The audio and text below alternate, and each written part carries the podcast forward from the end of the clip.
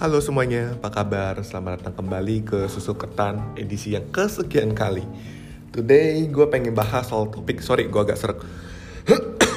Today gue ingin bahas topik mengenai jika tidak. Jadi gue akan cerita dari pengalaman gue tahun lalu sampai sekarang.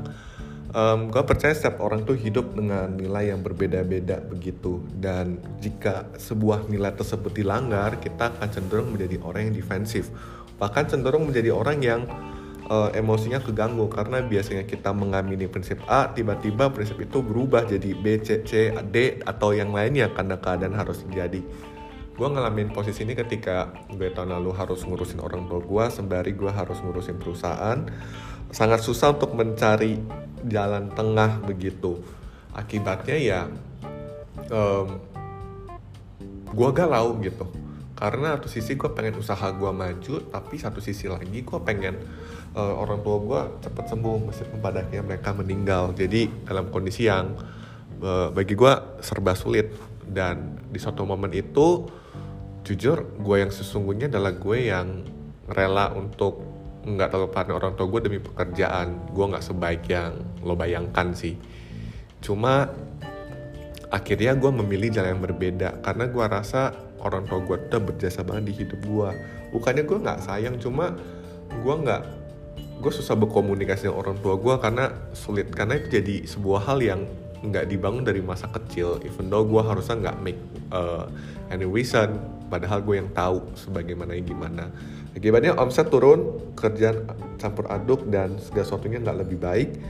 Cuma gue bersyukur gue jadi orang yang bisa mengambil keputusan di tengah kondisi yang sulit. Memang sih nggak bisa win-win solution. Cuma memang pada akhirnya kita harus punya nilai yang jelas begitu.